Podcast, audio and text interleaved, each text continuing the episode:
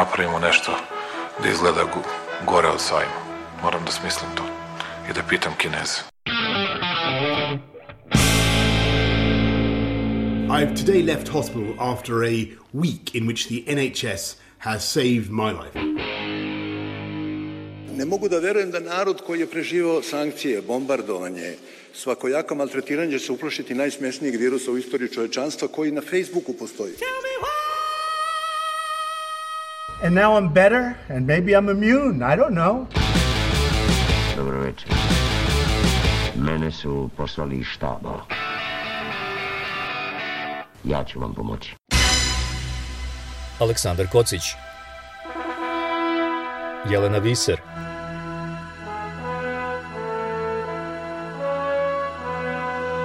Radio Karantin Hronika istorije u nastajanju Kada se pandemija COVID-19 povuče, jedna od stvari koje će nam ostati je svedočenje o iracionalnom i ponekad ekstremnom ponašanju ljudi oko nas, a možda i našem sobstvenom. Recimo, javno podržavamo restriktivne mere, dok ih se privatno pridržavamo delimično ili uopšte ne. Okupljamo se u velikim grupama sa malo poštovanja za socijalno distanciranje. I naravno ono gomilanje zaliha s početka pandemije, pre svega famoznog toalet papira. Radio karantin. Prema uverenjama medicinskih radnika, od ponašanja svih pojedinaca u društvu zavisi da li i koliko će vanredne mere trajati i kakve će biti posledice. Pojedinci imaju dve opcije na raspolaganju, da sarađuju ili da ne sarađuju. Ako svi sarađuju, vanredno stanje će trajati kratko i svi ili većina će ozdraviti. Ako niko ne sarađuje, trajanje vanrednog stanja je nepoznato, ali dugoročno i za posledicu ima pad ekonomije, pojavu gladi drugih bolesti i slično.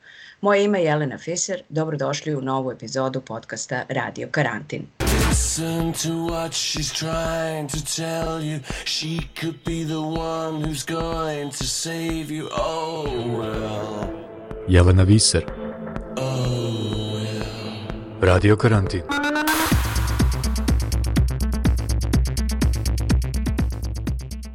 Kolega Aleksandar Kocić i ja razgovaramo sa profesorima Filozofskog fakulteta Univerziteta u Beogradu Ildiko Erdej sa Odeljenja za etnologiju i antropologiju i profesorom Draganom Popadićem sa Odeljenja za psihologiju. Pokušat ćemo da objasnimo zbog čega se ljudi u vanrednim situacijama ponašaju iracionalno i sebično i kakve to dugoročne posledice može da ima po društvo i možda civilizaciju. Šta će biti sa osnovnim ljudskom pristojnošću? Hoćemo li iz pandemije izaći sebičniji ili empatičniji? I da li zvuči previše dramatično ako se zapitamo da li ćemo kroz ovu pandemiju doživeti kolektivnu katarzu ili ona najavljuje sumrak ljudskosti? Radio Karantin U normalnom kontekstu pojedinci donose racionalne odluke u nekom svom vremenskom okviru. U pandemiji, međutim, svi odjedno moraju da donesu iste odluke u vrlo kratkom vremenskom okviru. Profesore Popadić, koji faktori utiču na to da ljudi donose ishitrene, odnosno kompulzivne odluke i ispoljavaju iracionalno ponašanje? Pa tu na samom početku imamo u stvari jedan problem. Dakle, da li je to iracionalno ponašanje ono koje u stvari škodi i tom pojedincu i celoj grupi? Ili se radi o nekoj kako kaže, nekoj zamci koje, u kojoj se svi nađemo kada se ponašamo što racionalnije možemo. Dakle, po meni više se radi o tome, dakle, ne da se ljudi ponašaju iracionalno, već da se trude da se ponašaju u stvari racionalno, često ne samo u svom interesu, već u interesu drugih, ali ishod je takav da škode i sebi i drugima. Ne zato što, što smo glupi ili tako ne iracionalni, već zato što je situacija strašno komplikovana. I takve situacije se zovu u teoriji igara, na primjer i u socijalnoj psihologiji i drugim oblastima, neke socijalne zamke ili socijalne dileme. I ovo je jedna tipična socijalna dilema koju ste vi opisali na početku. Ono, dakle, ako se svi ponašamo na jedan način, bit će dobro, ako se ne ponašamo, bit će loše i sada ljudi se ne ponašaju, zato su iracionalni. Međutim, kako kažem, situacija je mnogo e, složenija. Uzmimo neki konkretan primer koji smatramo iracionalnim ponašanjem, na primer te nabavke gde ljudi poku, isprazne radnje i, i slično i onda su drugi ljudi u problemu.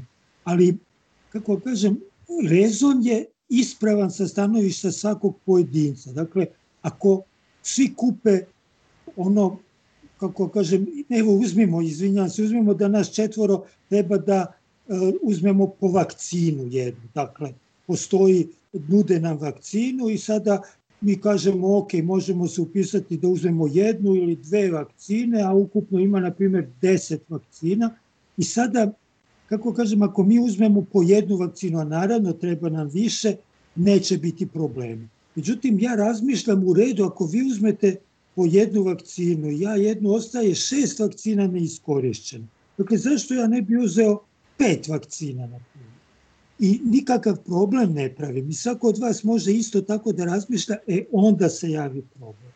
Dakle, malo je to možda komplikovano za objašnjavanje ovako na brzinu kako pokušavam, ali dakle, ljudi se trude da se ponašaju što racionalnije i kada bi se neko ponašao samo na njihov način, a ne svi, sve bi bilo potpuno u redu. A da li hoćete da kažete time da e, racionalno ponašanje pojedinca, pojedinaca, dovodi do iracionalnog ponašanja mase?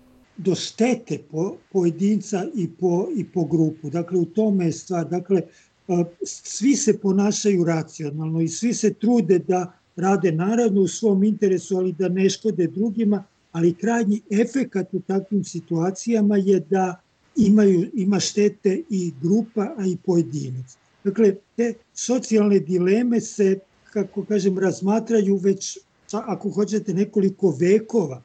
I rešenje nije u tome da nekako ljude podučite da se racionalno ponašaju, već je rešenje u tome i da u grupi se formiraju norme, dakle pravila, bilo običajne norme, moralne norme i slično, kojima će se ljudi, ljudi rukovoditi umesto tih nekih ad hoc odluka koje zaista izgledaju kratkoročno racionalno. Profesor Kardej, od čega zavisi to koliko se pojedinac odgovorno ponaša u društvu, a od čega to da ih je što više u okviru zajednice koji se ponašaju odgovorno?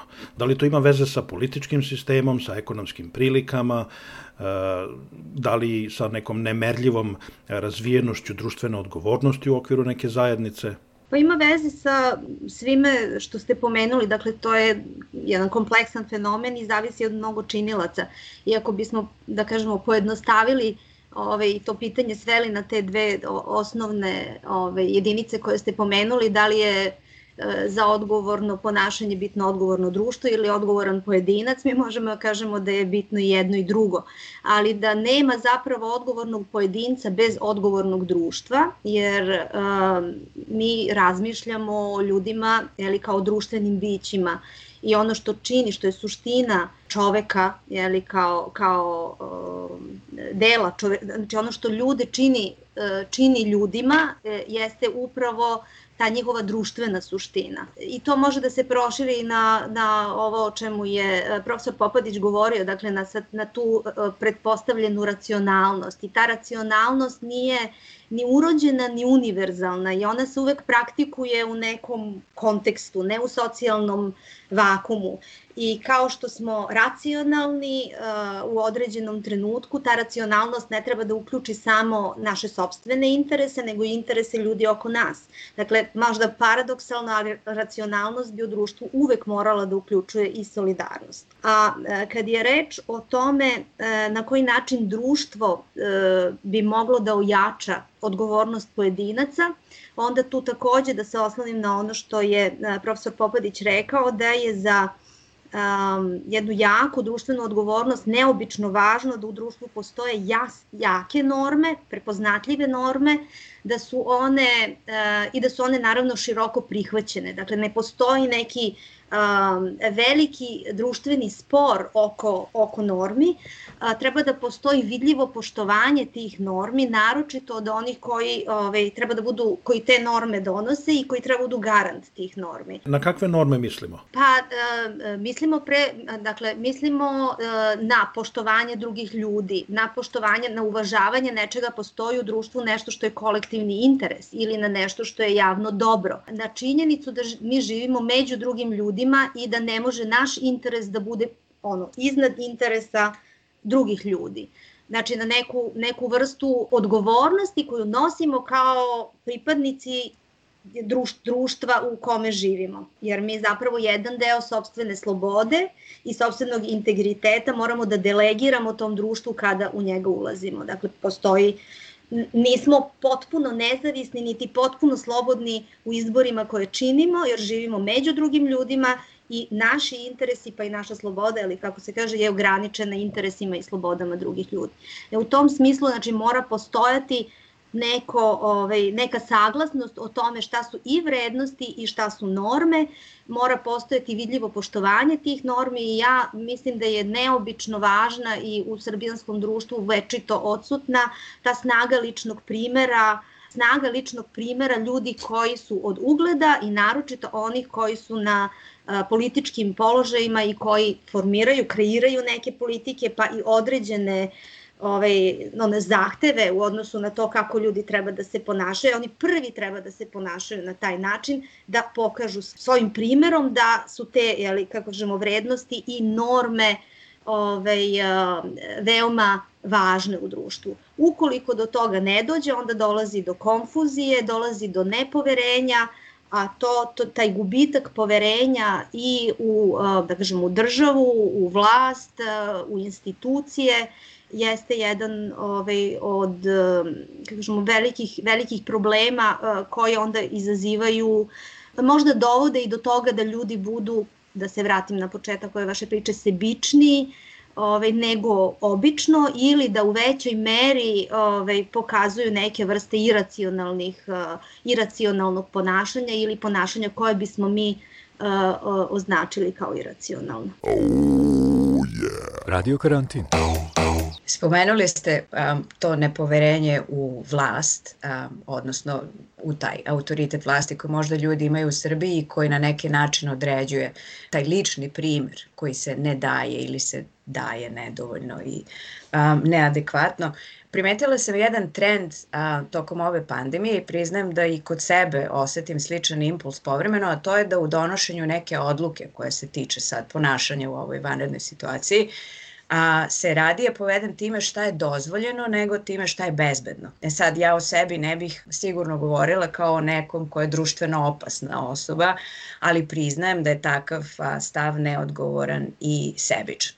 I sad imate u Srbiji to neko, s jedne strane generalno mišljenje da se ljudi ponašaju neodgovorno jer nemaju taj neki dobar primer koji stiže sa državnog vrha, odnosno vlasti, A recimo imate zanimljiv podatak ovde u Holandiji koje skoro svakodnevno sprovodi taj Zavod za javno zdravlje o ponašanju građana i u jednom od njih se kaže da sed, sedmoro do osmoro ljudi od desetoro ljudi javno kaže jedno, a privatno se ponaša drugačije. Znači, ako je trebalo da budu u karantinu dve nedelje, oni šmugnu trećeg, četvrtog dana odu u shopping, pa čak i ako imaju simptome. Zbog čega se ljudi ponašaju um, na takav način? Da imate u dva potpuno različita društva jedan impuls individualni. Meni je neobično da toliko veliki broj priznaje da se ponaša da nađena priča na, na drugi, toliki procenat kod nas ne biste dobili sigurno. Ali e, da, ljudi, e, ja, ja lično mislim da bez obzira da ljudi kažu, e, ljudi u kriznim situacijama gledaju da se drže normi, da se drže nekih pravila, jer krizne situacije jesu krizne zato što više ne važe neka ustaljena pravila. Ja ne znam šta je u situaciji pandemije najbolje za mene, za moju porodicu, za društvo i sl. Dakle, ne znam, ja se trudim, kao što kažete, da se, ja verujem, veliki broj ljudi se trudi da se racionalno ponaša. Sebično ponašanje je racionalno ponašanje sa stanovišta savremenih kapitalističkih društava i sl.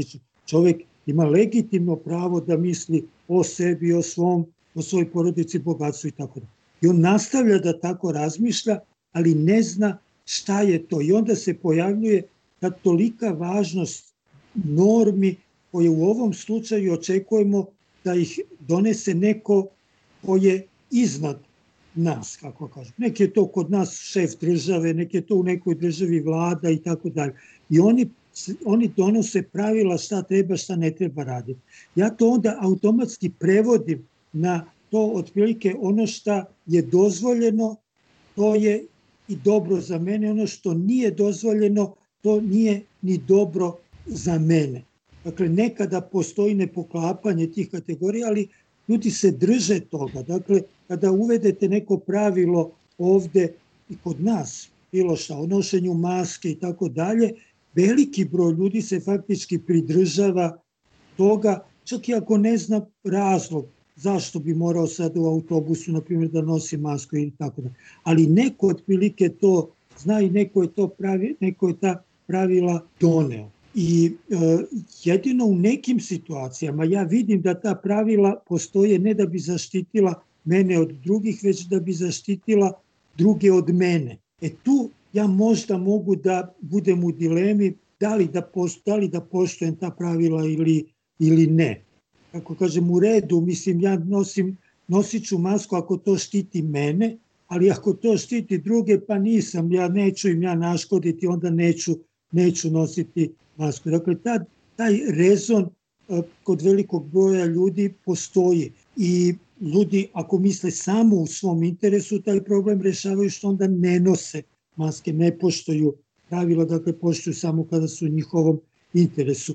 I zato je uz poštovanje pravila veoma važno nešto drugo u vremenima krize kao što je ova naša, a to je razvijanje neke grupnog identiteta, grupnog identiteta i neke, samim ti neke grupne solidarnosti. Mi možemo onda to zvati nesebičnošću, altruističkim ponašanjem, racionalnom, racionalnim ponašanjem i slično, koje se onda dodaje tim normama ili poštovanju normi koje postoje. Jel mogu ja samo da se nadovežem na kratko, ovo mi je jako zanimljivo što ste rekli i, i ta uloga autoriteta odnosno formalne ili neformalne, ne, ne mislim neformalne vlasti, nego ljudi koji imaju formalni ili neformalni autoritet.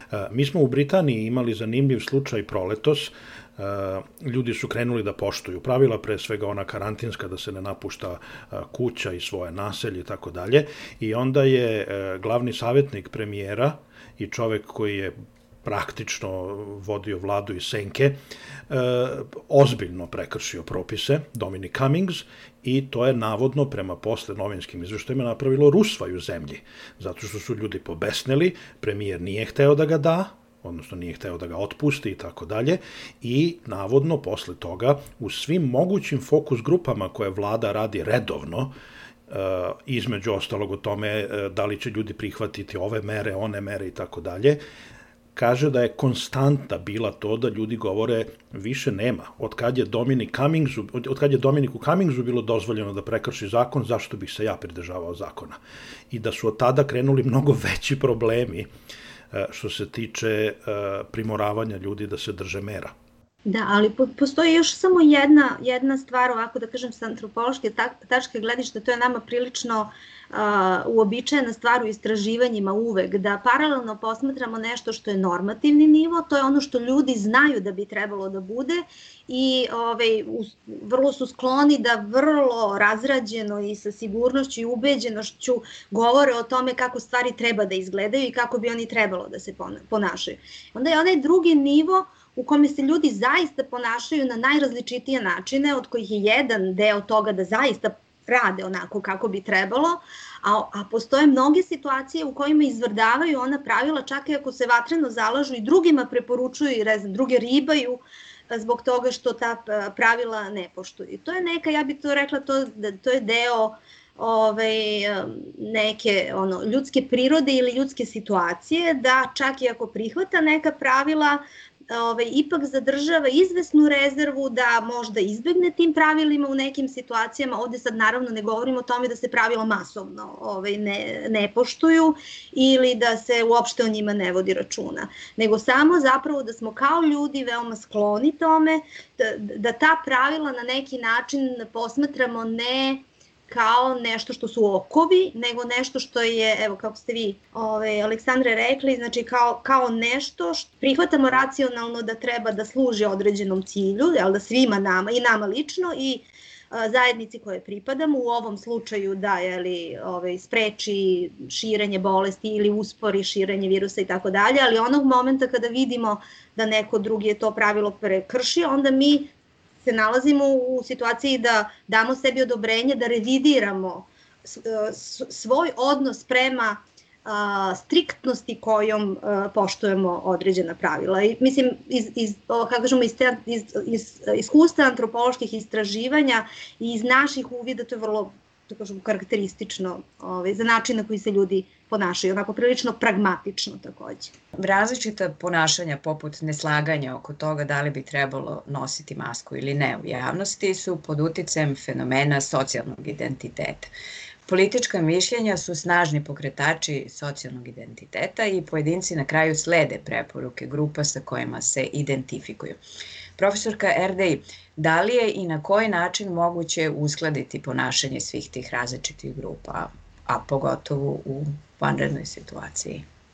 To je veoma teško i u redovnim okolnostima, dakle u, društvi, u, savremenim društvima koja su izuzetno ovaj, složena, u, u kojima koegzistiraju i međusobno moraju da zajedno žive i na nivou svakodnevnog funkcionisanja i na nivou kažemo, institucionalne povezanosti najrazličitije grupe ljudi. Dakle, a u, u, u pandemijama je to, to dobija novu oštrinu, kao što u ostalom sva pitanja i svi problemi koji inače postoje u ovim normalnim uslovima su sada u uslovima pandemije na neki način postali, postala preeksponirana. Interesantna je ta stvar u vezi sa uh, ajde, da uzmemo taj primer nošenja, nošenja maski i odnosa prema nošenju ovaj, maski, to, to pitanje je na nekim mestima veoma politizovano, to znamo recimo ono, na pitanje, u, ovaj, u slučaju Sjedinjenih država gde to nošenje, odnosno ne nošenje maske zapravo bilo e, razvilo se do to pitanje političkog e, identifikovanja, odnosno pripadnosti jednoj, odnosno drugoj političkoj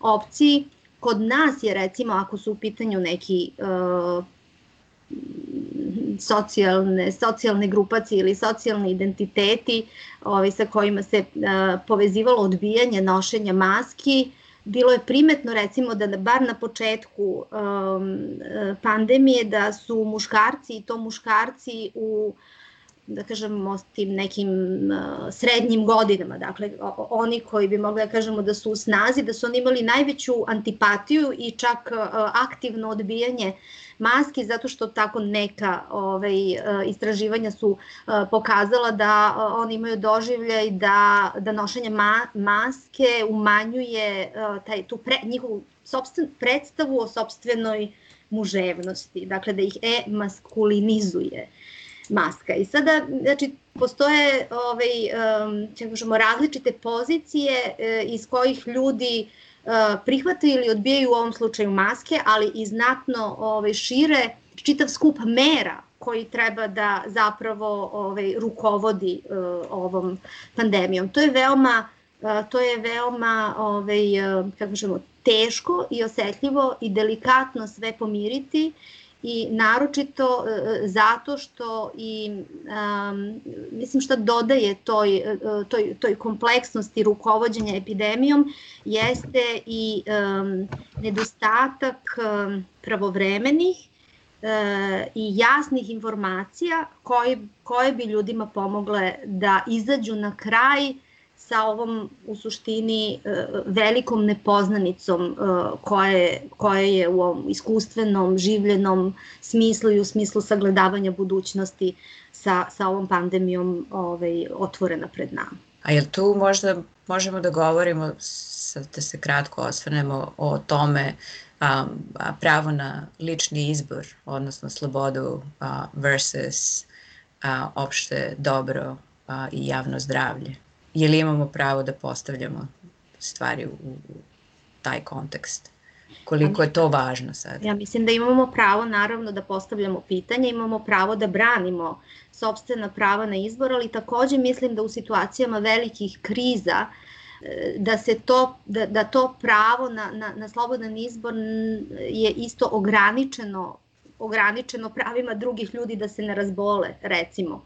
Mislim da to su sada situacije u kojima ovaj, se na, na, na drugačiji način, znači preispituju se ovaj, odnosi između i pojmova i kategorije i vrste odgovornosti i neki, neki prioriteti se ovaj, isto preispituju. Jeli. Mm, ovo je situacija koj, u kojoj ta, ta, ta, ta svest o zajedničkom dobru i o zajedničkom interesu je takođe došla ponovo na površinu i na neki način poput još, još ovaj, da kažemo nekolicine um, ključnih pojmova poredka u kome živimo u poslednjih 40 godina, kažemo, ovog neoliberalizma, Ove, i, i ovde se preispituje ta, ta ključna uloga uh, pojedinca i tog njegovog neprikosnovenog prava da njegova prava i njegove slobode budu na prvom mestu na uštrb uh, kolektiva.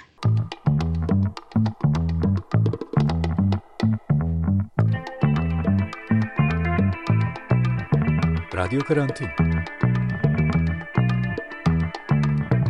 Profesori Filozofskog fakulteta u Beogradu Iliko Erdeji i Dragan Popadić. U sledećoj epizodi sa njima nastavljamo priču o tome da li i na koji način čitava društva u vanrednim okolnostima poput ove pandemije mogu da zastrane. Profesori nude svetlu sliku postpandemijske budućnosti, a pričamo i o tome šta će nam biti važno kada se budemo odvikavali od ove nove normalnosti i vraćali onoj dobroj staroj. I još ovo, želimo da vas zamolimo za novčanu podršku. Naš program u potpunosti zavisi od vaših donacija. Možete da postanete redovni pokrovitelj preko Patreona ili nas podržite jednokratnom uplatom preko Paypala. Sve o tome imate na našem sajtu radiokarantin.eu. Pratite nas i na Soundcloudu, Facebooku i Twitteru. Čuvajte se i hvala na pažnji.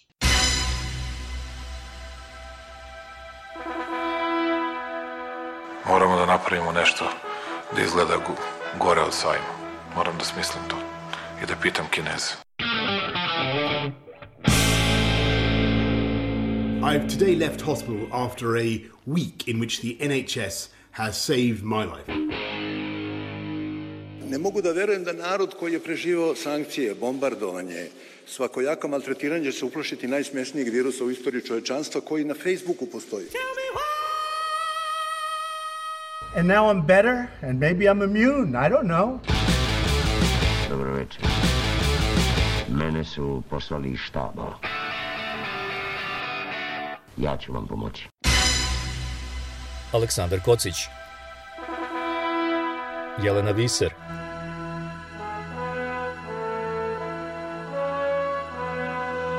Radio Karantin Hronika istorije u nastajanju